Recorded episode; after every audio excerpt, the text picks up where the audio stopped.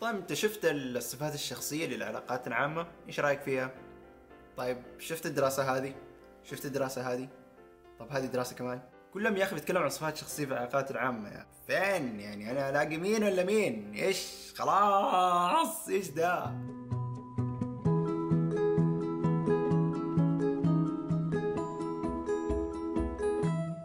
أول سؤال وأهم سؤال نطرحه من فين جات الصفات الشخصية للعلاقات العامة؟ كل الصفات المذكورة عن شخصية العلاقات العامة هي تم رصدها. وعندك أدوات للرصد. زي إيش؟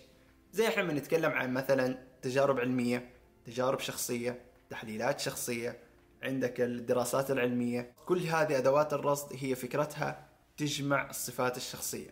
جمعها. ليش طيب بتجمعها؟ لأن هي بتبين لك قد إيش هي لها كفاءة جيدة. بالإضافة أن الدراسات العلمية هي بتعطيك متى بتستخدمها؟ وكيف تستخدمها وإيش أفضل أداة تحصل من هذه الصفات أو إذا ركزت عليها في شركتك؟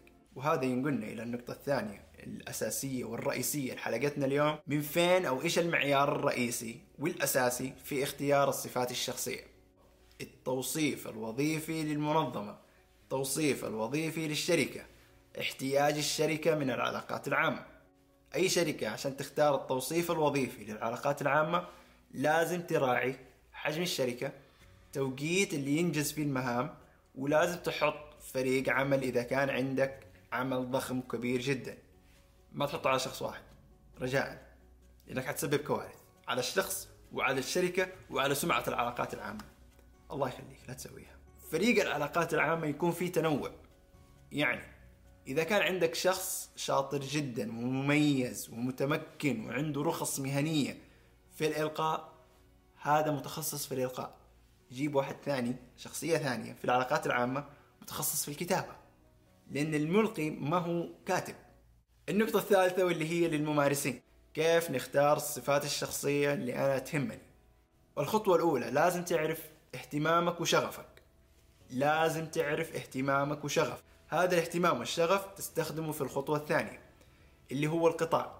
هذا القطاع إيش يحتاج؟ إيش الرخص المهنية اللي هو يحتاجها؟ وهذه هي النقطة الثالثة. أي صفات شخصية لها رخص مهنية لازم تعرف الشركة اللي أنت بتستهدفها لازم تعرف الرخصة المهنية اللي أنت بتقدم عليها. هل هي معترف بها في الشركة؟ هل هي معترف بها في الدولة؟ هذه أمور ترى جدا مهمة في اختيارك لهذه الرخص. حتى يكون استثمارك معروف وواضح اتجاهه. أنت عارف فين رايح. حتى لا يصير عندك إشكاليات وتقول والله أنا صرفت صرفت صرفت. في النهاية ما لقيت شيء. في نقطتين كارثية وبتصير جدا كثير. الصفات الشخصية الشاملة هذه غير واقعية إنه إحنا نحتاج شخص واحد علاقات عامة شامل وهذا كان بسبب المنظور الضيق للعلاقات العامة. عفى عنها الزمن يا جماعة الخير. عدينا ما عاد في شيء اسمه الشخصية الشاملة. لا تفكر بالشخصية الشاملة.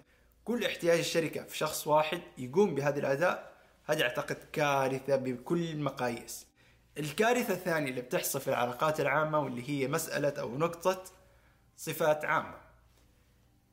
آه من الصفات العامة. ما في حاجة اسمها صفات عامة. أنت اهتمامك والصفات اللي أنت تركز عليها مختلفة عن الصفات والاهتمامات اللي أنا أركز عليها. احتياج العلاقات العامة بالنسبة لهم هذه الشركة كمان عندها احتياج للعلاقات العامة بطريقتهم. شكرا لكم ونشوفكم إن شاء الله في حلقة جديدة. سلام.